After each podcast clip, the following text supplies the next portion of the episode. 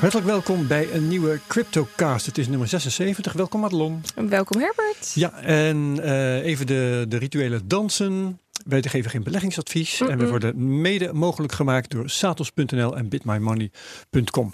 We hebben een gast vandaag. Ja. Dat is Wouter Arkink. Hartelijk welkom. Dankjewel. Van Leuk hier te zijn. Ja, daar ben ik blij om. Uh, vinden wij ook leuk. Je bent van beroep innovatiemanager. Dat klopt. En je zit hier om te praten over Stellar. Stellar Lumen. En je bent zelfs van beroep, kan ik niet zeggen, maar het is toch een hoedanigheid. Stellar Champion. Yes. Wat is dat? Ja, hoe leg je dat uit? Um, een soort van um, vertegenwoordiger van de community van Stellar richting de Stellar-organisatie. Dus op basis van verdiensten zeggen. of zo? Ja. Me meedenken over wat is er nodig in veranderingen, welke ontwikkelingen moeten er komen, ja, ja, ja. enzovoort. Ja. Wat, wat uh, zijn de verdiensten waardoor jij die titel hebt gekregen? Um, vooral, ik, ja, ik heb een paar dingen bedacht en geïnitieerd die uh, opgevallen zijn. Um, ja, noem eens wat. E eentje is de Stellar Torch. Oh, ja. Een transactie die de wereld rondgaat van persoon naar persoon. En nou ja, je kent de Lightning Torch, denk ik. Wat we hier anders hebben gedaan is dat die transactie coördinaten heeft. En daardoor op een kaart te visualiseren is, waardoor je hem over de hele wereld over kunt de volgen. wereld ziet gaan. Ja. Ja, en heb jij dat van de Lightning Torch afgekeken of andersom? Natuurlijk afgekeken. Jij hebt het afgekeken.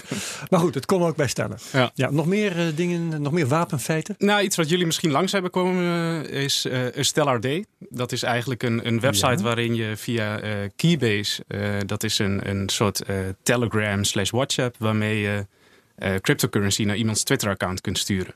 Ja, en dat heb jij ook gedaan. Je hebt ons geld gestuurd. Exact. Ja, ik vond, het nog, ik vond het nog ongelooflijk ingewikkeld om heel eerlijk te zijn. Maar dat zou wel aan mij gelegen hebben. Nee, dat gaan we dat, strakjes dieper op in. Vond ik, namelijk ook. Okay, maar gelukkig, laten we dat inderdaad bewaren tot, uh, tot zo direct. Ja. Oké, okay, leuk. Dan weten we in elk geval uh, alvast een beetje wie je bent. Um, en ik denk dat we gewoon maar over nieuws moeten gaan hebben. Ja, laten we Madelon, dat doen. Uh, begin jij eerst maar. Ja, ik zou wel eventjes graag willen beginnen met nieuws over China. Er is natuurlijk al lange tijd onrust gaande in China. En dan voornamelijk in Hongkong. Wat eigenlijk niet echt China is, als je de Chinezen mag geloven. Ja, maar goed, laten we maar. Of zo. Precies, laten we het maar even op een, op een beeld gooien. En um, de Chinese centrale bank doet iets interessants. En ik ben heel erg benieuwd wat voor impact dit gaat hebben op alle mensen die woonachtig zijn in China mainland en in Hongkong. De Chinese centrale bank die heeft enkele weken geleden namelijk heel erg hard geroepen dat op het moment dat Libra lanceerde was dat, dat zij heel erg hard gingen trekken aan uh, het maken van een central bank digital currency. En ze wilden daarmee dus de strijd aangaan met Libra en de dollar. En nu is er, uh, ja, nu is het af. China die heeft afgelopen weekend bekendgemaakt dat hun eigen central bank digital currency live zal gaan. En daarmee zei de president van de centrale bank nog heel stellig: dit gaat niet een gewone central bank digital currency zijn, of althans niet een gewone cryptocurrency. Deze is wel even een slagje anders. En wat, waar hij dan op doelde, althans wat ik heb kunnen uitvinden, is dat er twee lagen zijn gemaakt. Eén laag wat voor de centrale bank is en één laag wat voor uh, de commerciële banken is. Zo distribueert dus de centrale bank het geld onder de commerciële banken, die het op hun beurt weer verdelen onder de centrale banken. Maar waar dan precies die blockchain Wacht in het spel komt, zei- dat is nog eventjes de vraag. Distribueert de centrale bank onder de commerciële banken, die Ja. het dan weer distribueren onder, Onder de consument. consument. Onder want de- je zei centrale banken. Dat- Oh, sorry. dat is onder de ja. consumenten. Ja, ja, ja. ja. Uh, maar waar die blockchain dan komt kijken, dat is nog uh, de vraag. En ook hoe, hoe dit dan precies eruit ziet, daar doen ze nog niet echt heel erg duidelijk uitspraken over. Behalve dat ze ontzettend revolutionair zijn en heel anders dan de rest. Uh, ben ik heel erg benieuwd wat dit teweeg gaat brengen. Um, Want het is wel af, zeg je, maar het is nog niet actief. Nee, het werkt nu nog, of het, het werkt althans wel, maar het is nog niet live gegaan. Dat is nog, uh, ja, daar is het wachten nog op. En wat nu de main vraag is, waarom lanceert China deze uh, interessante currency? Zij zeggen zelf dat ze cashgeld volledig af willen van het cashgeld. Nou, ze zijn behoorlijk voor oplopen, voornamelijk in Hongkong, uh, om nou ja, cashgeld Ja, niet meer te gebruiken. Surveilleert ook een stuk makkelijker. Precies. Maar wat ik hieruit opmaak, is dat ze ook inzicht hebben in de transacties van burgers. En ik ben heel benieuwd hoe daarop gereageerd gaat worden. Ten eerste, hoe wordt, reageert men op het compleet weghalen van het cashgeld uit uh, de maatschappij? En daarnaast gaat men akkoord met dit hele ehm, ja, met dit hele verhaal vindt men het wel prettig als alle transacties ingezien wordt. En natuurlijk de, de, Ja. de, de middenklasse die zal daar niet zo eh, erg stampij van Nou, gaan in China maken. zijn ze wel wat gewend. eh, Precies. hè, langzamerhand. Ja, maar als je kijkt naar eh, de, de, de mensen die nu onrust voor onrust zorgen, voornamelijk in Hongkong, kan ik me voorstellen dat dit juist een extra tuigje in het zakje doet. en dat dit alleen maar erger wordt. Maar goed, Ja. we moeten dit in de gaten houden. Het Ja. feit dat China hiermee komt is heel interessant, want ze krijgen enorm veel touwtjes om aan te trekken. En eh, we gaan zien wat hier Ja. eh, uit En, voortvloeit. en in het Westen zou je zeggen van nou dat is een goede reden om juist bitcoin te gaan gebruiken. Maar Ja. dat is in China toch wat lastiger. Ja, dat is in. China veel lastiger. In China zijn tal van beperkingen ook op, eh, op cryptovaluta, het gebruik van cryptovaluta. Maar ook al überhaupt het gebruik van het normale internet zoals wij dat kennen en, en dergelijke. Dat, Da- daar wordt ja. ook al moeilijk over gedaan. Dus ja, dat, dat gaan we zien, Herbert. Ja, zeker. Wouter, je hebt ook nieuws. Ja, dat is leuk, want ik had hetzelfde nieuwtje meegenomen. Had jij nog aanvullingen? Nou ja, ja, wat ik moest denken is wat, wat zij inderdaad doen, is die gelaagdheid. En eh, wat ze echt willen, is dat cash vervangen. Dus Ja. dat, dat is echt dat doel. Ja. Eh, en de commerciële banken die zullen nog steeds blijven bestaan en stortingen aanhouden van Mhm. klanten. Wat eigenlijk wel Ja. heel jammer is. Want je zou juist nu een centrale bank willen zien die opstaat en zegt: Jeetje, wij gaan dit gewoon doen. We gaan al die banken gewoon opruimen. En, eh, nou, maar dat doen ze dus niet. En het zou mooi zijn als ze dit niet in een isolement gaan doen. Zeker. Maar ik vraag me af of dat zo is. als, als andere landen dat ook doen? Of denk je iets anders? Wat ik denk dat ze gaan doen, is dit op één eigen netwerk doen. Waardoor het niet interoperabel is met Mhm. een ander land dat dit een keer gaat doen. Oké, ja. Ja, goed. Maar dat is afwachten, want dat weten we allemaal nog niet. Nee. Goed. Eh, ik had eh, twee nieuwtjes die ik wel aardig vond om eventjes eh, te memoreren. Ehm, in de eerste plaats vond ik het wel significant dat Goldman Sachs een... ehm, ik pak de verkeerde muis, dat is ook altijd grappig. dat Goldman Sachs ehm, een, een bullish advies over Bitcoin heeft gegeven. En dat verbaasde mij eigenlijk vooral omdat ik niet wist dat Goldman Sachs zo duidelijk met Bitcoin in de weer was. Ze hebben daar zelfs een, gewoon een analist, zo niet een team analisten op zitten. En eh, Volgens mij Maar- hebben ze zelf een trading desk bij, eh, bij Goldman. ja, ja, ja, nou daar zijn ze toch aardig om. Hè? Want Mhm. eh, ik weet niet hoe lang het geleden is dat ze, ze daar nog hun handen niet aan wilden branden. Maar intussen willen ze dat blijkbaar wel. En ehm, nou ja, dat is misschien wel grappig, omdat jij het straks ook over de prijzen gaat hebben. Dat wat ik hier, het bericht dat ik had overge, dat ik had bewaard op 12 augustus, dat zegt. ehm, ze, nou, kijk hoor. de prijs zou omhoog kunnen gaan naar die 13.971. Dat was het bedrag dat ze noemden. Tenzij die onder het eerdere low gaat van 9084. Nou ja, het is eh, allemaal redelijk conform wat er sindsdien is gebeurd. Hè? Mhm. Dus nou, eh, interessant sowieso dat Goldman zich hiermee bezighoudt. Dat was wat ik. Überhaupt dat ze dit publiceren, want dit is toch een, een koop of verkoop ehm, voor hun klanten, lijkt mij dan. Dat ze hier zo Ja. openlijk uitspraken over doen, vind ik wel interessant. Ja, want ze handelen er niet zelf in, hè, of wel? Eh, Ze doen het wel voor hun klanten. Ze geven Wel dus wel eh, koop- of Ja. verkoopadvies aan, aan de klant. Maar eh, als je nu geen klant, klant bent bij Goldman, kun je ook gewoon het, het koop- of verkoopadvies aflezen. Dus Ja, ja, dat is een, be- een Oh, je beetje vreemd. Ze geven hun waarde weg op deze manier. Ja, ja zeker. En, en daar zou een bepaalde strategie achter kunnen zetten. Dat wij dus nu hierover spreken. En dat wij ook weten dat ze een trading desk hebben. En dat we met z'n allen ons geld naar Goldman kunnen brengen. Maar Ja. er zou ook iets anders achter kunnen zitten. Maar goed, eh, ik vind het interessant. Ik denk- Bitcoin dus. Ik denk dat er altijd iets achter zit als ze dit doen. Ja, tuurlijk. tuurlijk. Goed. En dan had ik nog iets uit Forbes opgepikt. Oh ja, eh, want ehm, we hebben toen Libra eh, werd aangekondigd. Heb ik in elk geval gezegd van, nou ja, waarom zou Google dit niet willen? Waarom zou Amazon dit niet willen? Hè? Wie vraagt er nu een patent aan op het gebied van cryptocurrency? Pa, pa, pa, pa, Walmart. En dat vond ik toch wel heel grappig. Hebben wij in eh, Europa natuurlijk vrij weinig mee te maken. Maar in Amerika zijn ze gigantisch Ja, ze zijn enorm. belangrijk. Een Ja. omzet van 500 miljard eh, zag ik staan in het bericht van Forbes. Zo. Eh, en de vraag is wat ze daarmee willen. Ik weet al heel lang dat als een technologiebedrijf of wat voor bedrijf dan ook octrooien aanvraagt, dat het niet per se gezegd is dat ze daar ook meteen producten op gaan baseren. Ja. Ehm, maar aan de andere kant, Walmart zou natuurlijk heel goed dingen kunnen gaan doen op dit gebied eh, in de richting van hun klanten natuurlijk. Zeker. Maar bij Forbes is ook sprake van dat ze hun eigen medewerkers in hun eigen currency zouden kunnen gaan betalen. Mhm. Dus de vraag of de medewerkers dat zouden willen. Eventueel Maar- een loyalty program is wat mij te binnen schiet. Ja, en wat hier ook genoemd wordt als iets eh, eh, wat, wat Walmart zou kunnen motiveren. Afkomen van de tarieven die bestaan op creditcards. Ook creditcard afrekenen. Dus eh, dat zou gewoon geld kunnen besparen. En ja, als je het je consumenten, je klanten maar makkelijk maakt, dan Mhm. gaan ze zo'n kaart wel gebruiken als je die maar met zachte drang eh, door hun strot eh, weet te krijgen. Dus dat vond ik grappig om te noemen, Walmart.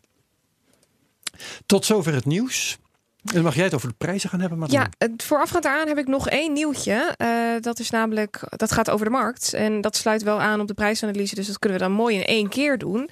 Wall Street sloot gisteren namelijk diep in het rood. Mhm. En ehm, ja, diep in het rood is voor ons uh, crypto-enthousiastelingen Lachen we om. valt mee. Maar Ja. als je kijkt naar de eh paniek-indexmeter van de beurs, die sloeg mega rood uit. En eh, dat, dat wordt ook wel de fix genoemd. En als we kijken naar het Londen, Parijs, eh, Frank Frankfurt, allemaal 2% eh, in de min. En dat is 2%. toch wel fors. Eh, ook de Nasdaq deed een min van 3%.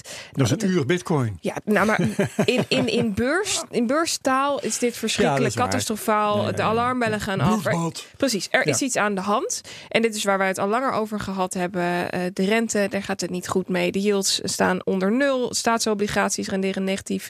En als we kijken naar de indicatoren voor een recessie, dat nu langzaam aan door op de aandelenmarkt. En dat vind ik natuurlijk super, eh, super interessant. Want eh, vorige. Even kijken, want toen de, de Fed de rente verlaagde, Herbert, hebben wij het er nog over gehad. Dat we zouden gaan kijken naar wat dat dan deed met goud en bitcoin. En goud en bitcoin die stegen toen allebei. De markt die ging wat omlaag. En ehm, nu zien we dat daar toch niet echt zo'n correlatie zit als Nee, dat we hadden die gedacht. safe haven, dat eh, loopt toch altijd weer iets anders dan je Ja. dacht of hoopte. De Ja. Goud en zilver die eh, gingen nog behoorlijk omhoog. Behoorlijk, eh, absoluut relatief wel wat omhoog. Maar Bitcoin die daalde gewoon mee met alle andere eh, beurzen. En die daalde zelfs fors. De koers die staat namelijk op dit moment op een bedrag van 9.990 dollar. Oh, ik heb zelfs En net hij- nog 10.075 genoteerd. Oké, ja, nou, maar dan staat hij nu eh, een tikkie, tikkie hoger. dus Dat kan zijn. neer. Ja, precies. Ehm, en de koers is natuurlijk op de 9438 geweest. En dat was een heel erg belangrijk steunpunt. Ehm, ik zei net voorafgaand aan deze uitzending al dat ik het een prachtige bewe- beweging vond. Als ja, ik kijk naar de een grafiek. uitstekende dag gehad, begrijp ik. Ik, ik, eh, ik, ik geniet hier enorm van. Je kan maar midden in de nacht wakker maken voor een mooie grafiek. En wat we zien is dat er een hele belangrijke steunlijn ligt. En die heb ik vorige week ook al genoemd. Die ligt dus rond de 9400, 450 zoiets. Ehm, en wat we zien is dat de koers daar in juli, op 17 juli al opgeketst is. Daarna ging de koers weer omhoog. Eh, daarna heeft hij dat in eh, eind juli nog een keer gedaan. Ze- 27 juli. En toen op 30 juli nogmaals. En dan kun je, dat, kun je spreken van een hele sterke steunlijn. Als de koers daaronder zakt, dan krijg je een enorme koersbeweging. Ja. Nou, vorige week spraken we over die driehoek waar de koers in zat. Eh, die had een belangrijke steunlijn rond de 11.100 ongeveer. En daar is de koers dus doorheen gezakt. En ik had gehoopt, verwacht, dat we nog wel ietsje langer door zouden gaan tot ergens in eind augustus. Maar die klap is dus nu geweest. En deze steunlijn is, is mooi. Ja, dat zei je eh, vorige week inderdaad. precies. Eind augustus, ja. ja, eind augustus. Nou ja, in, in crypto, bitcoin gaat het altijd sneller dan dat je verwacht. En nu eh, zitten we op een hele eh, mooie, belangrijke steunlijn. Wat ehm, ja, signaleert dat we nog steeds in een uptrend zitten. Mocht de koers hier doorheen zakken, dan eh, zijn we deze opwaartse trend kwijt. Ehm, dat is een opwaartse trend die al loopt vanaf begin mei, halverwege mei, zoiets. Dus dit is een hele belangrijk, ja, een hele belangrijk punt waar Ja. de koers wel stand moet gaan blijven houden. En deze lijn loopt ook schuin opwaarts, wat dus betekent dat dit stuk, deze, deze steunlijn steeds een stukje omhoog meegaat, verder omhoog. Ehm, dus we moeten hier steun houden. Dat is het enige wat ik op dit moment Ja. kan zeggen. Laten we boven die, eh, die 9500 ja, uitblijven. En ehm, het liefst boven de 10.000 zelfs. Maar mochten we hier doorheen zakken, dan, eh, dan kunnen we terug naar 7300. En dat zou toch wel een beetje jammer zijn. Dat is waar de eerste steun eh, vanaf dat punt ligt. Maar Ja. voorlopig eh, relatief positief. Die steunlijn die heeft stand gehouden. En dan gaan we nu weer richting de 10.000. Ja, dus toch nog weer de kapper en de, en de taxichauffeur en zo. de bitcoin zien te krijgen. Ja, dan moeten we toch maar even ons best doen. Ja, nou, die luisteren, weet ik niet. Misschien wel, misschien niet. Eh dankjewel. yes. Eh, dan microcashje. Nou ja, goed. Ik keek natuurlijk ook redelijk beteuterd eh, toen. vorige week had ik zo'n mooi eh, winst ten opzichte van de, van de week daarvoor. Dat is nu weer uh, grotendeels verdampt. Ja. Vorige week was het plus 19%, nu is het min 15 en nog wat. Ik uh, las dus toen ik op het moment dat ik dacht van... oh ja, ik moet microkastje nog eventjes uh, voorbereiden... las ik een koers af van 10.075. Waarmee de 0,932 bitcoin die ik nog heb... Um, waard was 9390 en 56 cent. Daar cash ik dus een procent van. Dat is 93 dollar en een klein beetje. En daarmee komt het totaal gecashte bedrag op 847. En ja, het, het, het, is grappig. Ik moest denken aan ons beleggingsspel. Ja. Waar wij ooit bij het begin van de CryptoCast mee begonnen zijn. En we waren er nog niet bij begonnen of de koersen donderden in elkaar. Mm -hmm. Waardoor dat beleggingsspel een beetje anders eruit ging zien dan we hadden gedacht. En dat gebeurt nu eigenlijk ook wel een beetje. Ja. Uh, maar het is ook wel uh, leerzaam en ook wel belangrijk dat je kunt zien dat als je zo'n strategie kiest, dat natuurlijk niet uh, altijd 100% Hosanna hoeft te zijn. Nee, zeker niet. Dus het, en het grappige is, het, het, laat ook zien dat als je maar um, een goed punt kiest om ermee te beginnen, wat ik dus heb gedaan met, nou, ik wil in elk geval 100% winst hebben. En dan ga ik microcashen. Nou, dat Mhm. betekent dat je vrij weinig kan gebeuren. Want de koers zou voor mij dus tot uh, ergens in de buurt van de 5000 moeten dalen. Ja. Wil, ik, wil het echt niet zinvol meer zijn om te cashen. Mm -hmm. Voorlopig zit ik dus nog in veilig, veilig Zou gebied. je dan stoppen als de koers rond de 5000 zou zitten? Dat vind ik een hele interessante vraag. Uh, als je echt consequent bent, dan moet je zeggen nee. Mm -hmm. Want um, ja, je kunt natuurlijk niks uitsluiten in crypto. Dat zeg je zelf uh, eigenlijk net ook al. En uh, misschien gaat de koers wel nog veel verder. En ben je zelfs op 5000, uh, als het eenmaal 3000 is of zo, ben je zelfs nog blij dat je op 5000 ooit gecashed hebt. Ja. Je krijgt pas weer spijt als het ooit heel veel hoger komt. En dat kun je 100.000 keer verwachten. Maar misschien gebeurt het wel nooit. Weet je wel? Dus ja.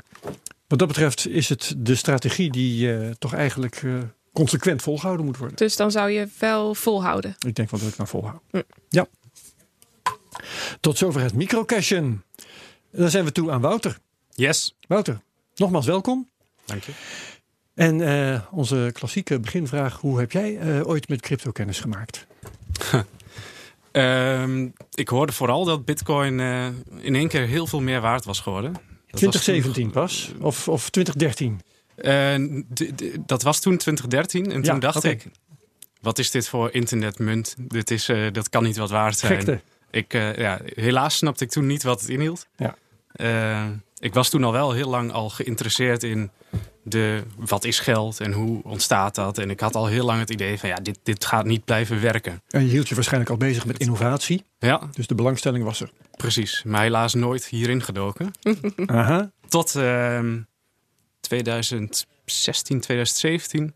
Toen kwam het nog een keer op mijn pad. En toen begreep ik, ah, dus dit is wat we nodig gaan hebben. Willen we van de euro's, de dollars en de centrale spelers in het systeem afkomen. Ja, en ja. was het een speciale oorzaak waardoor het opnieuw op je pad kwam? Was dat gewoon dat de koersen begonnen te herstellen of was er iets anders? Uh, nee, volgens mij heb ik toen een docu gezien die hierover ging. Aha. Ik weet niet meer welke het was. Ja, ja. nou er zijn er een aantal, ja. dus dat kan wel. Ja. ja, en toen dacht je, hé, hey, wacht even. Precies. Ja, um, goed. Um, heeft het verder ook, in want je bent innovatiemanager, heb ik net uh, genoemd. Heeft het ook iets met je dagelijkse werkzame leven te maken of dat niet? Uh, heel klein beetje. Ik kom, het, ja, ik, ik kom het tegen. Uh, we zijn nu licht aan het verkennen of we het kunnen gebruiken, maar be heel beperkt. Ja, ja. oké. Okay. Um, maar je zit hier met je achtergrond van Stellar. Ja. Of moet ik Stellar Lumen? Stellar Lumen is de coin, hè? Ja. En Stellar is het protocol. Ja. Heb ik het goed? Ja. Oké. Okay.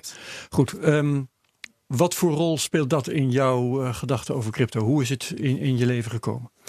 Uh, nou, dit, ik, het begon natuurlijk bij Bitcoin. Ja. Uh, dan ga je verdiepen in hoe werkt dit dan? Uh, wat is het dan? En uh, dan ga je kijken wat is er dan nog meer? Want ondertussen wa waren er al heel veel andere munten, waaronder denk ik een hele hoop ellende. Ja. nou, en toen kwam ik, kwam ik dit eigenlijk tegen. En uh, hoe meer ik mij erin verdiepte, hoe uh, mooier ik deze technologie vond. Omdat het, uh, nou, je, je, hebt Bitcoin, maar Bitcoin was niet echt verbonden met het systeem wat we nu kennen. En dit verbindt eigenlijk ook de, nou ja, de, de euro's, de dollars met zo'n decentraal systeem. Ja, is, uh, is dat de essentie van Stellar of is dat iets wat je er toevallig ook mee kan? Nee, ja, de essentie is eigenlijk een netwerk voor alles van waarde. Mhm. Eh, waarbij je moet voorstellen dat het in het, nou ja, over een paar jaar mogelijk zou kunnen zijn dat jij met eh, euro's wil betalen, terwijl ik Apple aandelen wil ontvangen. En dat Oh, jij in, aanklikt, ik betaal 100 euro en ik krijg Apple aandelen in drie, vier seconden. Ehm, ik neem aan, want ik heb daar niet direct vat op, dat zoiets wel eh, eerst door iemand geïmplementeerd moet worden. Dat, dat gaat niet vanzelf. Eh, Iemand zal daar toch ook een app of, of een dienst voor moeten bouwen. Ja, en dit, dit is dus achtergrondtechnologie. Een soort, eh, je kunt het vergelijken met het. je had eerder e-mail. Iedereen had zijn eigen e-mailprotocol. Ehm totdat het samen ging werken op één protocol. Waardoor Totdat je van bedacht- Gmail naar Hotmail kon gaan sturen. Ja, we en dit doet eh, dat op de achtergrond. SMTP en dat soort zaken Exact. gaan we allemaal gebruiken. Ja. Ja. Nou, dat is eh, eigenlijk precies wat er eh, aan schort, als je het zo kunt zeggen, op het gebied van crypto. Dat er, no- ja, het is leuk als er honderd bloemen bloeien, om het op zijn Chinees te zeggen, maar eh, het heeft ook zijn nadelen. Ja. Ja. Ehm, maar daarmee is de vraag niet helemaal beantwoord hoe je, daar, hoe je dat ontdekte. Eh, was dat iemand die je dat toeschoof, of was het gewoon al googelend dat je dat toevallig De- tegenkwam? al googelend kom je dat tegen. Ja. ja. Ja, ja, oké. Ehm, kun je ons wat vertellen over hoe Stellar is ontstaan? Heeft iemand dat bedacht? Dat zal haast wel. Ja. Ja? Wie? Wie is de, wie is de Sat- Satoshi Nakamoto van Stellar? Eh, dat is Jet McCaleb. Die oh, die naam is hier bekend. Ja, ja. Ja. ja, Die heeft ooit eh, Ripple opgericht. Ehm, Mhm. was niet tevreden met hoe Ripple eh, daar vervolgens, toen die andere mensen aan boord haalde, mee, eh mee Aha. door is gegaan. Oké, En dat is toen ook een hele gezegd, aparte discussie. Precies, ja. Ja. Ja, da- ja, daar ga ik me niet in, in uitlaten. Nee, daar, blijf ik ver vanaf, want daar zie ik ook wat minder in. Eh, maar volgens heeft hij dit opgericht. En dit is eigenlijk veel meer een netwerk waar je dus van alles van waarde op kunt uitwisselen met elkaar. Ja. In plaats van dat het ondersteunend is aan banken. ja, ja, ja. En over hoeveel coins of protocollen heb jij je ingelezen voordat je dacht, eh, Stellar, dat is toch eigenlijk waar ik me verder mee wil bezighouden? Nou, ik heb het niet bijgehouden, maar eh, dat, dat zullen er eh, ongetwijfeld aardig wat zijn. En, en eh, wat schort er dan aan al die anderen? Of is, is dat dat netwerk voor alles van waarde? Wat, wat stel eens een unieke selling point is? Ehm, ja, dus je, ja, wat je, wa- waar je normaal als jij bitcoin wilt kopen, dan moet je eigenlijk via een centrale partij, je moet, die bitcoins moet je kopen, daar gaat een tijd overheen. Eh, als je ze vervolgens ook weer aan iemand, eh, als je wil betalen met bitcoins, maar jij wil euro's hebben, dan is dat lastig. En dan kost dat best wel wat geld. En dit brengt dat op één netwerk en daardoor is dat veel goedkoper. Ja. En als je, ja, als je het dan over een van de unique selling points hebt, dan is het dat Stellar eh, finale eh, settlement heeft. Waar je bij Bitcoin, als jij een transactie doet, dan moet je zes blokken moet je wachten totdat je genoeg zekerheid hebt Mhm. om Ja. eh, Niet teruggedraaid te worden, ja. niet teruggedraaid te En worden. dus En- de kans zeer, zeer, zeer, zeer, zeer gering. Maar Maar het kan. Ja, Ja, en als je, ja. het over, gro- als, je, als je grote betalingen doet, of je hebt het over je, je zou een huis bij wijze van willen tokeniseren, dan wil je niet, ook al is het 0,01% kans hebben dat die betaling wordt teruggedraaid, dat wil je niet. Ja. Dus dan wil je dat dat 100% zeker is. Dat dat, en dat heeft Stellar door een andere keuze in zijn consensusmechanisme te maken. Dus als ik alle cryptocurrencies op één hoop gooi, dan kunnen we daar verschillende hoopjes van maken. En Stellar die schuilt zichzelf dan wel onder ehm cryptovaluta, om het zo maar te zeggen. Net als Bitcoin, Litecoin, andere betalingsmiddelen. Ik denk, ja, ja, je hebt eigenlijk twee dingen. Je hebt het, het Stellar netwerk, Ja, het wat het protocol. protocol is, Ja. waarop allerlei verschillende munten kunnen leven. Dat kan zelfs bitcoin, ethereum, euro, dollar, een huis. eh, het kan van alles zijn. Dus dat staat gelijk aan Ether. Eh, ja, en Ja. daarin heb je eh, de Stellar Lumen. Dat is eigenlijk zoiets als bitcoin. De enige decentrale asset op het netwerk. Oké, jij zegt gelijk eh, dat, het, dat het decentraal is. Ik kwam een tweet tegen van Peter Todd. En ehm, de- deze, hier, hier staat iets, iets heel vreemds. Dan moet je maar even uitleggen. Centralized stuff like Ripple, IOTA en Stellar being good examples. The only reason they exist is because governments are actually pretty ben- benign benign. benign. Da- dankjewel, Herbert. Thanks, Herbert. Um, right now and haven't gone again the, against the core entities that keep those systems running. Same story as to it, bla bla bla. En dan Ja. komt er een ander verhaal onder. Sorry, mijn Engels is niet fantastisch voor een dyslect die dit stuk nog nooit eerder heeft gelezen. Maar goed, ehm, waar het dus op neerkomt is dat die Ripple, IOTA en Stellar centraal vindt en dat overheden daar eh, een, een, ja, een duwtje in de goede richting geven. Hoe zie jij dat? Ehm, ja, ja, dat zie ik niet zo. Mhm. Ehm, ik denk dat daar ook eh, vaak... een niet iedereen kent het goed genoeg. Ik denk dat je, Ripple en Stellar wordt vaak vergeleken... omdat daar dezelfde oprichter achter zit. Ja. Eh, maar er zit echt wel een verschil in.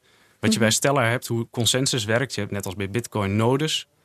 die samen tot consensus komen. Ja. Eh, waarin het kan zijn dat eh, als ik een node ben, dat ik jullie twee vertrouw om tot consensus te komen. Dus als een meerderheid van ons drie zegt helemaal goed, dan zijn wij het eens. Maar jij kunt weer twee anderen vertrouwen. En zo heb jij weer je eigen groepje. En zo krijg je een overlappend netwerk van vertrouwen. En dat komt samen tot consensus. En daar heeft Stellar als eh, partij eigenlijk helemaal geen invloed op.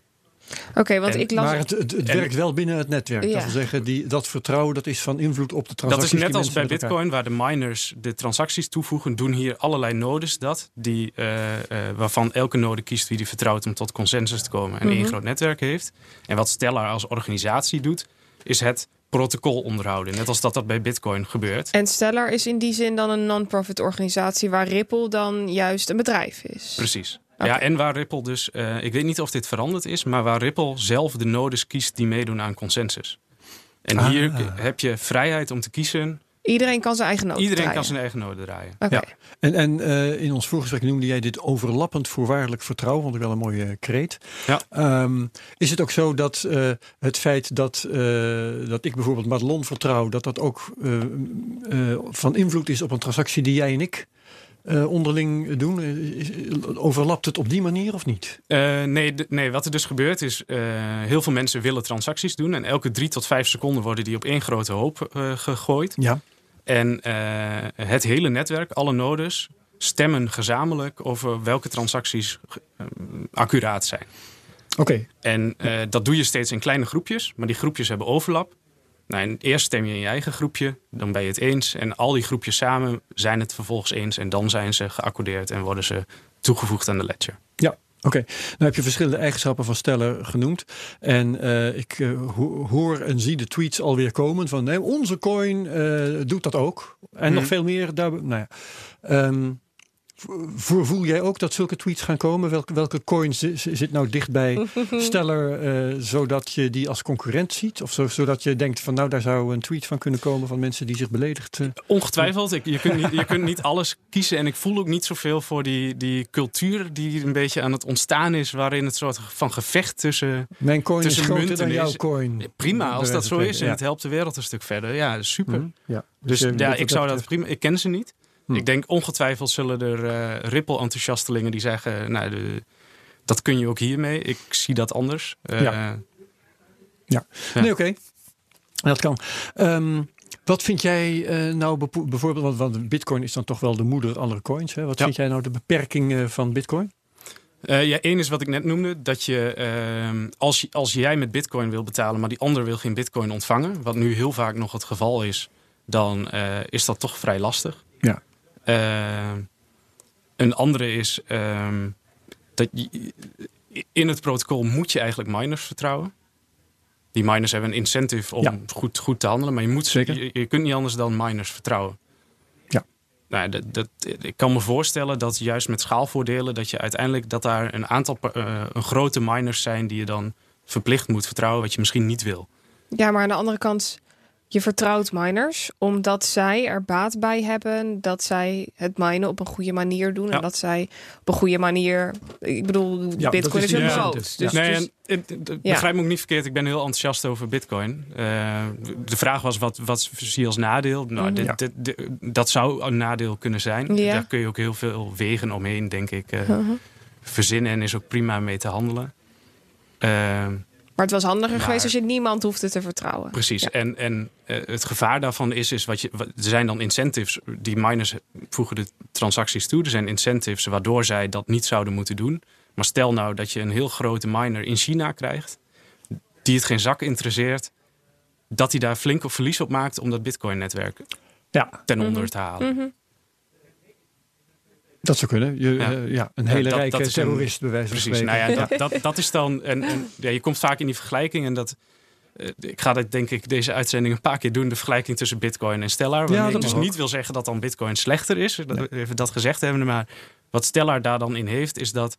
eh, je kunt met geen enkele mogelijkheid zoveel computerkracht bij elkaar krijgen dat je het netwerk eigenlijk kunt overnemen. Ja. Waar je dat bij, bij Bitcoin zou je dat, in theorie zou je dat kunnen kopen. Ook al is het praktisch onmogelijk op dit moment. Mhm. Dan ben ik geïnteresseerd in iets praktisch. Want jij zegt van ja, met bitcoin kun je hebben dat eh, nou, de supermarkt bij wijze van spreken ervoor kiest om geen bitcoins te accepteren. Nou, dan stoot je inderdaad je neus. Ehm dan zeg jij met Stellar kan dat anders. Maar aan de andere kant, eh, ik kan de supermarkt honderd keer zeggen, met Stellar eh, kan ik gewoon bij jullie met eh, aandelen Apple betalen bij wijze van spreken. En dan zegt die supermarkt, nee hoor, dat maken wij niet. Ik bedoel, wat, wat moet er dan? Dan moet de supermarkt toch ook iets doen om eh, zich, daar, eh, zich daarmee bezig te houden. Ja, nou ja, de supermarkt zal denk ik, eh, daar zal het niet zo zitten. Ehm, wat, wat er gaat gebeuren, denk ik, is dat je steeds meer partijen krijgt die bijvoorbeeld China is nu met die central bank digital curry- Ja. currency bezig, die digitale versies van euro's, dollars gaan uitgeven. Mhm. Dat kan een centrale bank doen, dat kan een bank ook doen. Ja, Ik geloof Walmart, Pari- Facebook. Ja, nee, Ja. maar ook ING zou het ook kunnen doen. Ja. Ik bedoel, wat zij hebben is, zij, zij he- hebben nu euro's. Die zouden ze kunnen tokeniseren en op een blockchain uit kunnen Als geven. ze het mogen. Als ze het mogen. Ja. Oké, ja. Ehm, nou, en en eh, zelfs in wat je in Afrika ziet, daar is het al zo dat je- ze hebben daar e-money. Mhm. Ehm, als je daar tokens van maakt, heb je eigenlijk een, een- ook zoiets. En dat kun je gaan uitgeven. Daar hoef je alleen maar een app omheen te bouwen om het Ja, uit te gaan geven. Goed, En dan- dus je hebt eh, honderdduizend digitale currencies, dat is duidelijk. Maar Ja.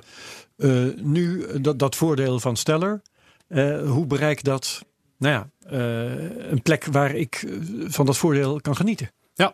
Nou, één, één voorbeeld is, eh we hadden het voor de uitzending even over reizen. Eh, ik ben in de Filipijnen geweest. Daar wilde ik een eh, geldautomaat gebruiken en dat kostte 12 euro per transactie. Ja. 150 euro max. Dus dat was, nou, dat, Ja. ik was daar een maand. Dat werd heel duur. Dus het is dus zo'n 10% van wat je opneemt, ben je kwijt aan kosten. Precies. Nou, Dat is wel veel. ja. Nou, en er is dus eh een, een van de bedrijven op Stellar, eh, Tempo is dat, tempo.eu.com. Die hebben euro's getokeniseerd op het Stellar-netwerk. Daar heb ik euro's naar overgemaakt. Daar kreeg ik digitale euro's voor terug. Die vervolgens om werden gezet in peso's. En die kon ik gratis pinnen in, eh, in de Filipijnen. Ja. En dat is, hoe je, dat, dat is nou één ding. Maar ja, dit gaat natuurlijk stappen maken. En dan krijg je apps waarin je dan gewoon in één keer die peso's kunt gaan Ja. uitgeven. Precies, want ja, maar dat betekent dus wel inderdaad, op dit moment moet je weten welk bedrijf dat doet. Hè, dat is er toch weer een vorm van wie is degene die dit accepteert. Dat, dat krijg je in een of andere gedaante toch weer terug. En dan wordt het opeens makkelijk, maar dan moet je dus wel inderdaad weten welk bedrijf doet dat en hoe maak ik daar gebruik van. Precies. Heb je inzicht in eh, de volumes van, eh, van vermogen wat daar dan wordt verschoven en dergelijke? Ehm, qua aant- aantal transacties, eh, toevallig gisteren bijna 2 miljoen per dag. Oké. Want het is wel zo, in, in de Filipijnen, ik ben er toevallig ook geweest, is het heel erg lastig om überhaupt met een nou ja, bankpas, dat, dat doen ze niet aan. Je moet alles met contant geld Ja. doen in principe. Dus met bitcoin misschien. betalen, dat gaat daar echt, echt niet lukken. Nee. ja, een creditcard kan op sommige plekken nog.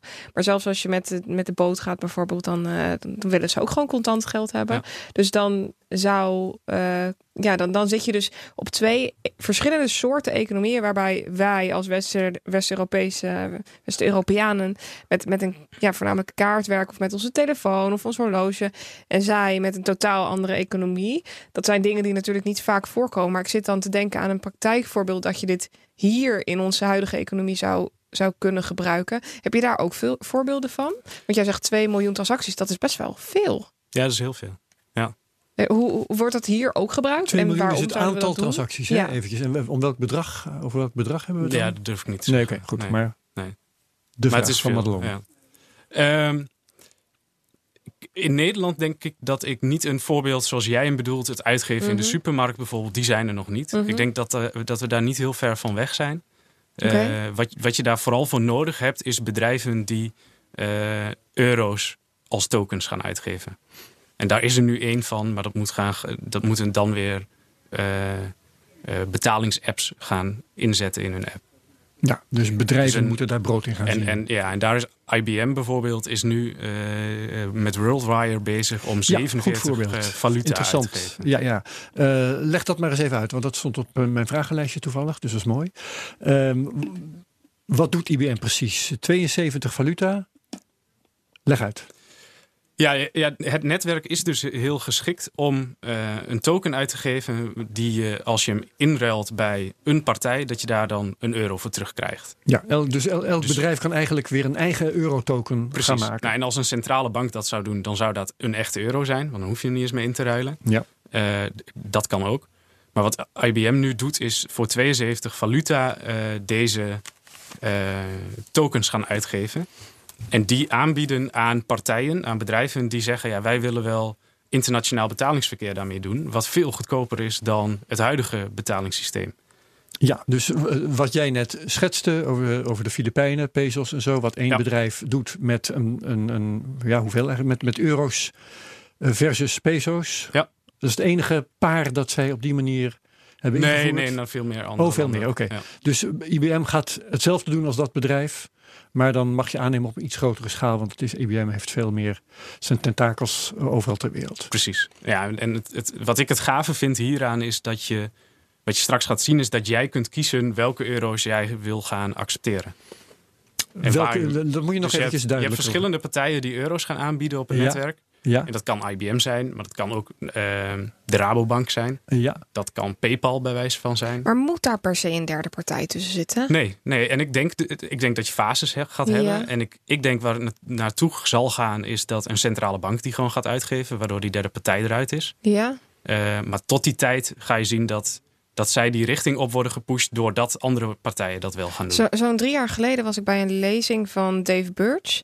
En um, hij zei toen, we krijgen straks een portemonnee. Dat kan een digitale portemonnee zijn op je mobiel of op je horloge. Waar honderden verschillende munten in zitten. En ja. waarbij je horloge of je telefoon gaat uitrekenen welke munt op dat moment het meest voordelig is om uit te geven. Dat gaat automatisch door middel van artificial intelligence. Zie jij dat we die kant echt opgaan? Ik, ja, ik denk echt dat je, dat je in de toekomst dat jij een, een portemonnee hebt waarin je uh, en je aandelen en je uh, nou ja, valuta, uh, bedenk andere dingen van waarde in één overzicht hebt. je huis, ja. investeringen in huizen en dat je kunt kiezen wat je uitgeeft en de ander kiest wat hij wil ontvangen en Ja. dat wordt in, in één seconde of twee seconden wordt dat overgemaakt. Ja, want daar wordt wel over gesproken dat je het geld wat nu in je huis zit, dat je dat niet kan gebruiken. En op het Ja. moment dat je dat in aandelen zou, zou ja, Ja. verstoppen in je portemonnee, kun je ja. daar weer mee, mee betalen. Ja. Eh, dus dat zijn wel allemaal ja, dingen waarvan ik denk dat is interessant. Maar dat die derde partij er dan tussen moet zitten, dat hoeft van mij nou niet weer zo nodig. Nee, van, van mij ook niet. Eh, maar ik denk dat je eh, eh, nooit van, van, van A naar B gaat in, in één seconde. Dus Mhm. daar gaan stappen tussen zitten. Ja. En ik denk dat het goed is dat daar nu derde partijen zijn die dat pushen, zodat een centrale bank dat gaat doen. Dan denk ik dat je een periode hebt waarin je nog steeds euro's, dollars enzovoort hebt. En dan gaan we langzaam natuurlijk over naar andere valuta, denk ik. Mhm. Ja. Want wie wil er nou een valuta hebben waar er steeds meer van bij worden gedrukt? Uh, nou ja, we hebben inderdaad we hebben weinig keuze in ieder geval. Ehm, weinig. Maar goed, ehm, om, om nog even, ik wil echt, echt graag mijn, mijn vingers daarachter krijgen. En, eh, Mhm. Want eh, IBM gaat dus eh, al die eh, valuta uitbrengen in digitale vorm en zo. Maar wie, wie zijn hun beoogde klanten? Dat ben ik waarschijnlijk niet, want ik ben niet lucratief. Dus dat zullen bedrijven zijn op een of andere manier. Ja. Hoe gaat dat eruit zien? Noem eens, noem eens een klant die zij op het oog zouden kunnen hebben. Gewoon eh, als, als een mogelijk voorbeeld. Ehm, je hebt heel veel remittance partijen. Remittance is, ehm, dat zijn vaak mensen die bijvoorbeeld uit de Filipijnen komen, hier wonen en geld naar hun familie willen sturen. Mhm. Eh, Tempo is zo'n partij die, die helpt jou om geld naar zo'n land toe te sturen. Zij doen dat nu via de, de ouderwetse systemen, waardoor dat geld van ehm, Nederland naar Duitsland, naar Zwitserland en uiteindelijk een keer in de Serieus? Filipijnen komt. Echt eh, zo, zo zul- gaan, ja. zulke omweg. Oké. Dat komt door al die vertrouwensrelaties tussen banken. Dus dan elke Ah. bank moet elkaar vertrouwen. Maar er is nooit een Nederlandse bank die een Filipijnse bank direct Dat vertrouwt. is op zich ook weer nieuws voor mij. Dat, want, eh, dus een eh, Nederlandse bank vertrouwt niet per definitie een Filipijnse bank. Er moet een, Nou, je noemde ja. dat net voorwaardelijk overlappend vertrouwen of zoiets. Dat heb Ja. je eigenlijk in de geldwereld ook gewoon Nou, tussen het, banken. Ja, het is heel bizar. Wat, wat, hoe je het zou kunnen zien is... eh, willen ze geld uitwisselen tussen elkaar? Die banken hebben ze eigenlijk een rekening bij elkaar. Ja. Dus dan heb je een Nederlandse bank Oh ja. die heeft een rekening bij een Duitse. En je wilt naar de Filipijnen. Die Duitse bank die heeft weer een rekening bij een grotere Duitse bank. Die weer een rekening heeft bij Thailand. En als je Dat doet het me denken aan hoe het internet werkt. Je moet gewoon je Ja. moet een soort route uitstippelen Ja, en, van partijen die elkaar steeds twee aan twee vertrouwen. precies. En zij halen daar allemaal hun eigen stukje uit. En het erge is dat jij stuurt 100 euro naar de Filipijnen. En je weet vaak niet eens hoeveel er overkomt. Dat- en, Ja. Nou ja, en die partijen, die, voor hen is het dus ook heel duur. En zij gaan dit soort dingen implementeren om dit goedkoper te kunnen gaan aanbieden. Ja, En daarom is het dus ook heel duur om geld te versturen van Nederland naar een buitenlands land. En vooral waar ze een achtergestelde economie hebben. Ja, ik heb ooit iemand horen zeggen, je kunt het nog beter in een envelop opsturen. ja. Ja. Ja. dat lijkt mij ook. Het is alleen een beetje riskant. Ehm, om nog even over IBM door te eh, zeuren. Eh, ik heb het nog even ge- gecheckt. Volgens mij online eh, functioneert het nog niet. Is het voor, vooral nog in de sfeer van het is aangekondigd. Dus weet jij hoe ver dat is en wat de, het, het, de agenda precies is? Ja, het is last- lastig om te zeggen. Jij zegt het functioneert nog niet. Het zou best kunnen dat ze al wel op beperkte schaal of wat meer, grotere schaal transacties doen. We moeten Louis de Bruin hier Ja. weer eens vragen, Ja. Madelon. Want Ehm, IBM is, is heel druk bezig met van allerlei. eh, Ja. ze, ze zijn ook bezig met identiteit en noem het allemaal maar op. Dus dat is een goede Herbert. Gaan we doen. Die zijn, eh, denk ik, IBM, eh, ja. koploper Ah, in blockchain. eh. IBM. I, oh, sorry, IBM. ik zeg IBM, ja. Dat is vandaar ik hoorde- ik het Sorry. ik, ik hoorde net nog Wal- Walmart voorbij komen. Die, Ja. ja. ja, dat- volgens mij werkt IBM daar ook mee in, eh, met Food Trust. De, het inkopen Dat is een van supply sinaasappelen chain. uit. Ja. Precies. Maar dat is typisch een blockchain toepassing. Ja. Dat heeft verder niet zoveel te maken, dacht ik, met, eh, met het uitwisselen van geld. Eh, nee, maar het linkje wat, ik, wat daar zou kunnen gaan ontstaan is... als jij goed kunt tracken waar die sinaasappelen vandaan komen... en ze Mhm. worden toch hier naartoe gehaald... dan moet die ook ooit betaald worden. Ja. Eh, en daar zitten ook allerlei partijen tussen. Eh, Zeker. Dus ik kan mij voorstellen dat dat ook een reden is... dat zij eh, met betalingen gaan werken. Ja. Ik vind het een goed idee om even wat eh, tweets nog mee te nemen. Madelon had er al eentje opgelezen. Ehm, nou, hier bijvoorbeeld, het is wel, wel grappig, sluit direct aan. Van, even zien, Don Tron. Of zo'n soort naam, Don underscore Tron underscore. Op Twitter. Met ons bedrijf maken wij jaarlijks meerdere miljoenen over naar Afrika. Dat kost ons tienduizenden euro's aan bankkosten. Is er reeds een alternatieve methode om dat geld over te maken? Eventueel via Steller.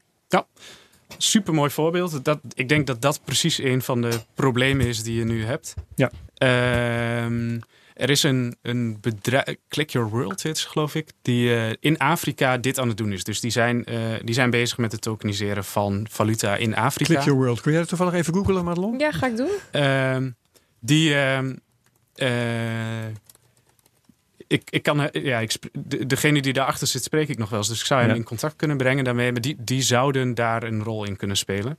Ehm, helemaal omdat je ook dus al euro's getokeniseerd hebt op dat netwerk. Dus dan zou Ja. je het. eh, maar het ligt eraan eh, of hij naar bijvoorbeeld een heleboel consumenten wat stuurt. Of hele grote bedragen naar bedrijven. Ehm, Ik heb de indruk het laatste.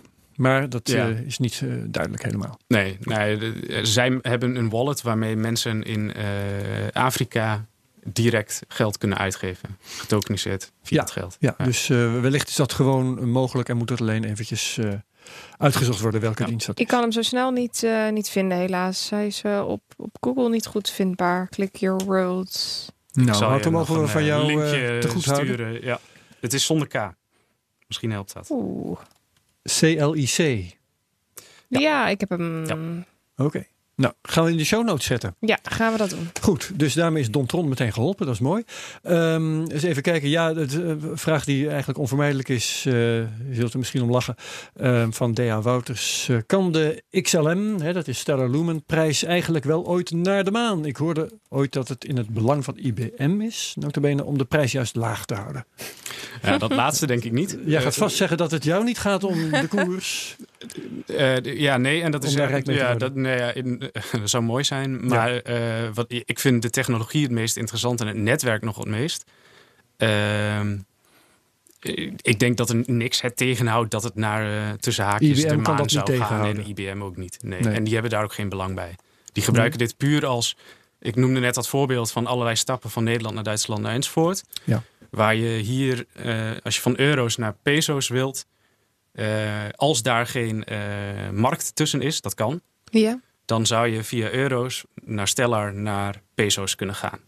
Je kunt Dat je voorstellen dat als je ja. van peso's naar eh, Nigeriaanse naira is, dat geloof ik, wilt gaan, dat daar, heet, ja. ja. dat daar geen markt is. Maar dan kost dat toch alsnog geld als je van euro's naar Stellar gaat en dan van Stellar weer naar een andere munt. Ja, maar omdat dat dus op één netwerk is, en je, de- heb je dat bijna eh, zonder transactiekosten. Dat is Het zijn getokeniseerde euro's op dat 0,0001 moment al, hè? cent. Oké.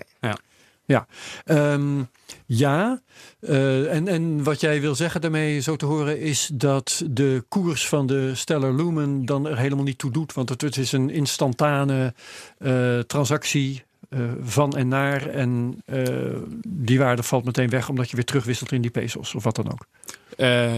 Ja, dat zou je zo, ja, dat zou je zo kunnen zien. Maar wat ik denk dat mensen gaan doen is als jij op een moment heel veel eh Stella Lumens nodig hebt. En je weet dat van tevoren ga je ze inkopen op een moment dat dat gunstig is. Ja. Dus koop je ze iets eerder. En dus dit, dit- ik denk dat je een tijd lang dit gaat zien. Van eh ene valuta naar Stellar direct naar een andere. Ja. In één transactie. Maar dat je daar, eh, en dat zal jaren duren.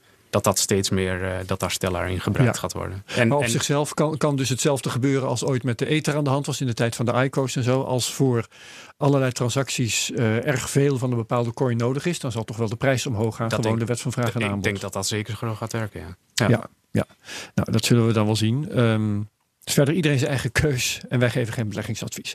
Hè? Ehm, dan hebben we hier eh, nog Wim en LS. Dat ga ik allemaal niet oplezen. Een hele hoop letters.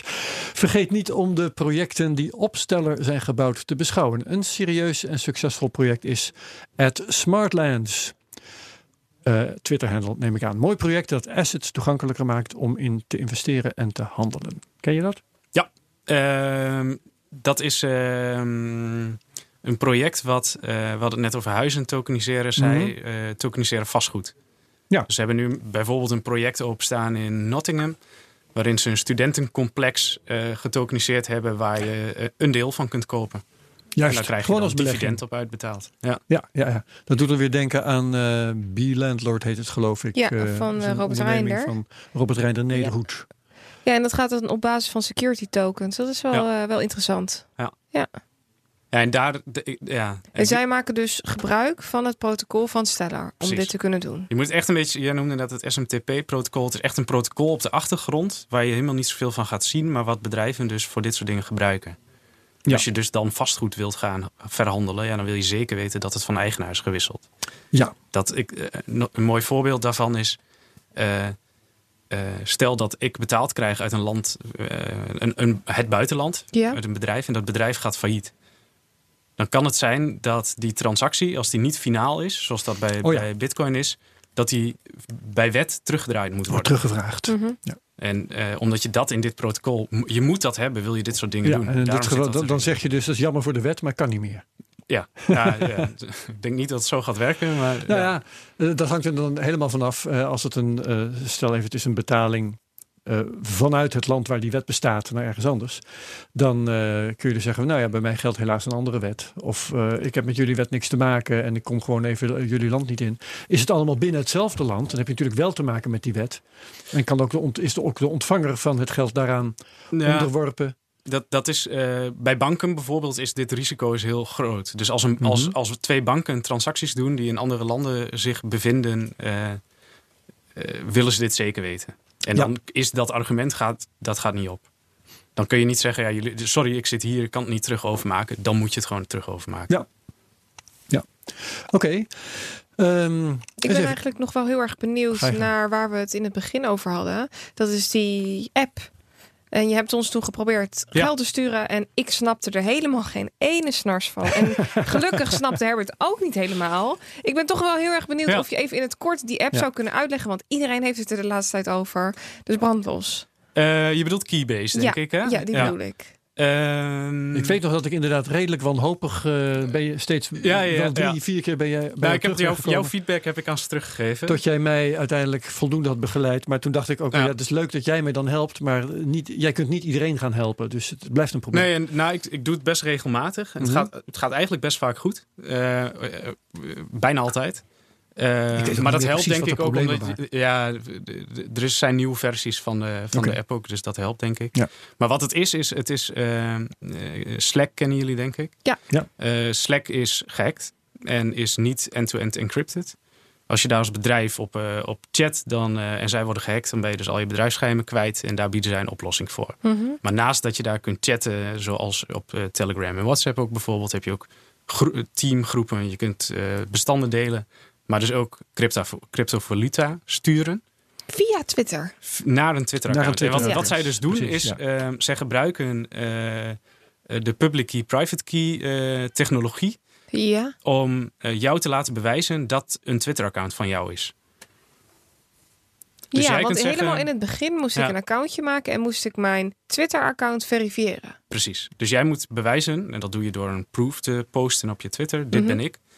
En dat kun je ook weer intrekken op een gegeven moment. Ja, En daardoor heb je ja. een, een, een eigen identiteit. dat je Dus toegang hebt- hebt tot het account. Ja. Dat is dan wat je bewijst. En dan kun je dus zien, oh ja, Madelon op Keybase is eh eh, Madelon op Twitter en is eh, iets anders op Facebook en is iets anders Ja. hier. Maar dit is Madelon en ik kan dus nu ge- veilig geld naar dit Twitter-account sturen.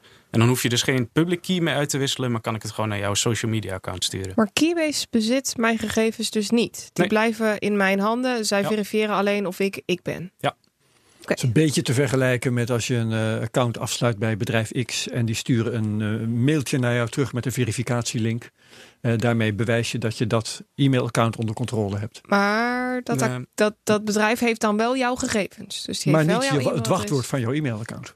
Nee, dat is waar. Nee, dit heeft eigenlijk niks. Wat het doet is het scant naar dat bewijs wat jij hebt geplaatst. Mhm. En als dat er is, dan be- eh, ben jij dus jij. En als dat bewijs er niet meer is, dan heb je... En je kunt ook in Keybase dat bewijs intrekken. Dan zeg je, ik ben gehackt. Dit is niet met mijn account. Dan is het weg. Oké. En daardoor kun je dus heel... Ja, het is veel gebruiksvriendelijker dan met public keys gaan, eh, gaan sturen. Je kunt gewoon iemand opzoeken en je stuurt het. En er zijn dus behoorlijk wat voordelen ten opzichte van WhatsApp of Messenger of Telegram. Ja. Begrijp ik hieruit. Ja. Welke voordelen zou jij ehm, als eerste benoemen? Eh, nou, ik zou het vooral met Slack daarin vergelijken... dat je end-to-end encrypted kunt eh, werken. Ja. Ehm, en, eh, als je het met WhatsApp vergelijkt, doet het een boel meer. Je hebt Mhm. veel meer mogelijkheden om bestanden te delen. Je kunt zelfs een bestand online zetten met een soort verificatie. Ik heb dit geplaatst. Ja. Dat gaat ook wel belangrijk worden met alle artificial intelligence video's waarin je kunt doen alsof je Mhm. Trump bent en eh, Ja, deepfake. zegt, zeg Ja. maar. Ja. Ehm, en het heeft, en, en waar, ik, waar het naartoe gaat, zij zijn bezig met het ontwikkelen van een wallet. Waarmee je dus, die je ernaast zet, waarin je dan geld naar social media profielen, eh, e-mailadressen, telefoonnummers enzovoort kunt sturen. Wat veel makkelijker is. Zonder dat je een bankrekeningnummer van iemand hebt. Of een dat je- bitcoin-adres. zonder dat je iets. een- Ja, dus daar kun je direct naartoe sturen. En wat dan het mooie is, is eh, waar nu alles nog in stellars gestuurd wordt, ga je straks zien dat dat in die tokens gestuurd kan worden. Dus dan kunnen dat euro's, dollars, eh, vastgoed. En dan Ja. heb je echt die oplossing. Aandelen in nu werkt het dus voorlopig nog alleen op Stellar. Nu kun je alleen stellars sturen. Oké. Je kunt wel bitcoin, eh, je kunt zeg maar eh, eh, bitcoin, eh, 0,5 bitcoin sturen en dan wordt dat ter waarde van. Dus dan stel je stellar. stellars. Oké. Ja. Ja, maar, de, Maar dat gaat veranderen. Precies, want het is dan uitgedrukt in Stellar. Dus dan volgt het verder de koers van Stellar en niet die van Bitcoin. Ja. Ja, ja. En eh, het, ehm, op mijn PC staat nu dus een account van Keybase. Dat eh, aangesloten is op het Twitter-account CryptoCastNL. Mhm. En de- in mijn, eh, mijn installatie van Keybase op mijn PC eh, zit een wallet. En daarin zit dus ongeveer een tientje, wat was het ook weer, eh, aan uh, stellerwaarde die door Wouter aan de CryptoCast cadeau is gedaan. Gaaf. Dus eh, heb je ook nog recht op de helft. Yes. en Boris eigenlijk ook Ja. nog eh, een derde. Nou ja, dus eh, Nou, wat misschien wel leuk is, is voor de mensen die luisteren. Ik wil best iedereen die het een keer wil proberen. eh, ik tientje ik- overmaken. nou, een tientje ga ik niet doen. dan had ik er iets eerder bij moeten zijn in de crypto-wereld. Maar uh, nee, dan wil ik best wel wat sturen. Dan kun je het een keer proberen. Gaaf. Ja. Leuk. Oké, nou, dat, uh, hoe, hoe regelen we dat? Nou, dat ga ik gewoon doen. Dus als iemand reageert op de, op de uitzending, dan uh, stuur ik wat. Uh, Oké, dan moeten we dat doorsturen. Want uh, je wilde geloof ik jouw Twitter-handle niet... nee, dat, ja, dat, is, dat is helemaal goed. Dus dan als ja. zij reageren op de post, dan stuur ik oh, wel wat naar ze toe. En het enige wat zij dus dan moeten doen, is de app downloaden en hun eigen Twitter-account verifiëren. Oké, nou dan krijgt iedereen Klinkt die heel simpel. En dan, uh, ja. dan krijg jij ook alle, ik ga het je nog laten zien. alle technische problemen ja. die, waar mensen dan tegenaan lopen. Dan weten goed. we meteen of dat goed is gekomen. Helemaal goed. ja. Hey, um, wat voor activiteiten doe jij op dit moment nog in, uh, op stellergebied? Um, nou ja, wat, ik vind het dus heel leuk als. Um, en, ja, en, ik denk ook dat dat de bedoeling is, dat het gebruikt wordt. Hm. Dus dit soort dingen. Uh, ik vind vooral dat de, de, de, de de, de ja, hoe noem je dat? De, de omgeving van Bitcoin en, en de hele crypto community gaat vooral nu om we moeten hoddelen en we moeten het vasthouden en de waarde Ja. moet omhoog Ah, ja. en het is goud. En ik vind, we laten we het gebruiken, daar is het voor bedoeld, de betalingen. Dus ik probeer vooral eh, nou ja, mensen een keer wat te sturen, zorgen dat we, dat we het gaan gebruiken. Dat je een keer een donatie kunt doen aan iemand of eh, een betaling kunt Ja, doen. ja, eigenlijk Eh, moeten we dat tientje op CryptoCast.nl daar ook voor Precies. gebruiken. Nou? Dat was jouw bedoeling Ja, natuurlijk. nou, en een ja, ja. ander idee wat ik nog heb bij die Stellar Torch is dat eh, wat je daar kunt doen is dat je challenges gaat toevoegen. Dus dat je als doel stelt, Ja. hij moet George Clooney bereiken, waardoor iedereen hem één stap dichter bij George Clooney gaat sturen totdat hij hem heeft. Nou, daarmee creëer je gewoon vooral iets wat leuk is. Het heeft, Ja. het heeft natuurlijk geen enkel doel, maar het is wel eh, brengt mensen samen en dat vind ik mooi. Ehm, heb jij eh, verder nog, ja, want, want dat, is, dat is wat jij wil. Heb jij verder nog verwachtingen van de toekomst van Stellar? Wordt het world domination? Of wat, wat zie jij in de toekomst? Ja, ik, ja nou, ik denk dat er sowieso niet één munt gaat zijn die het gaat winnen of zo. Of Nee. één, eh, maar ik denk dat dit netwerk eh, heel veel potentie heeft. En echt de komende tijd ook echt een heel stuk groter gaat worden.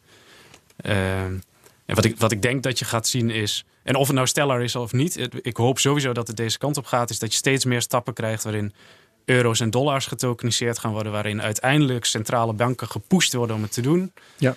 Waardoor je alles op één netwerk hebt. Waardoor de stap om naar echt decentrale valuta te gaan ook weer kleiner wordt. Mhm. En zo, want we zitten nu een beetje vast in een. eh, je hebt een groep mensen die heel graag willen dat alles in Bitcoin gebeurt. Maar 90% van de wereld wil gewoon euro's en dollars. Ja, en de stap van IBM is eh, die daarvoor heel belangrijk als, eh, hoe je, als voorbeeldproject? Ja, ik denk dat dat echt wel een. eh, die zijn groot genoeg om ook hier een hele grote, serieuze stap in te maken. Om ook voor zoveel liquiditeit in die munten te zorgen dat. dat je daar ook echt heel veel betaling mee kunt gaan Ja. Ja. Ja, ja, ja.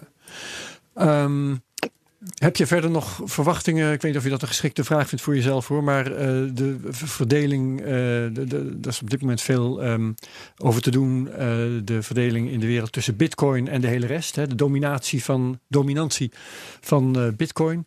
Ehm, zie je daar nog veel aan gebeuren? En, en gaat Stellar daar een rol in spelen? Nou ja, ge- eh, eh, geen idee. Ik denk dat niemand daar een idee van heeft. Wat ik wel denk is dat nu prijs eh, eh, echt heel weinig zegt over eh, de technologie, over adoptie. Als je, eh, volgens mij zijn Bitcoin-transacties nu 300.000 per dag. Ja, dat, dat is betrekkelijk weinig voor zo'n Ja. protocol. De prijs is Mhm. hoog, maar eh, Ja. dat gaat nog veranderen. Welke kant op, geen idee. Nee, duidelijk. Marlon, nog vragen? Nee, dat was hem. Leuk, dan gaan we het hierbij Ja. laten. Dankjewel Wouter Arkink.